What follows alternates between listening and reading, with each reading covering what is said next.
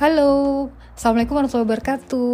Pada hari ini saya akan mewawancarai teman hidup saya terkait responnya setelah saya mengikuti kelas Bunda Sayang, terutama materi manajemen gadget.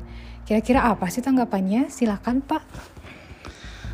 Alhamdulillah semenjak uh, mengikuti proses yang dilaksanakan di kelas Bunda Sayang ya namanya, uh, Anda kita lihat banyak banyak progres ya. Yang pertama tentu bermula dari komitmen. Jadi ini hal yang sangat positif karena dengan adanya komitmen kemudian uh, sesuatu menjadi lebih lebih terarah dan punya target yang yang ingin dikejar dan uh, kami melihat ada komitmen yang yang sudah tertanam dan terjaga dalam beberapa hari terakhir ini alhamdulillah uh, luar biasa.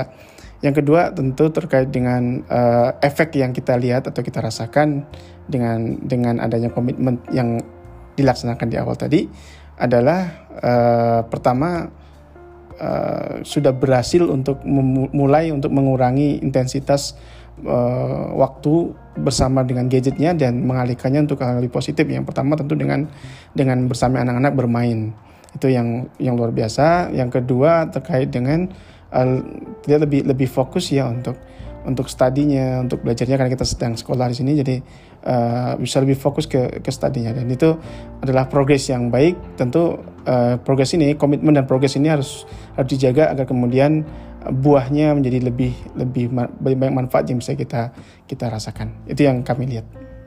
Terima kasih. Assalamualaikum warahmatullahi wabarakatuh.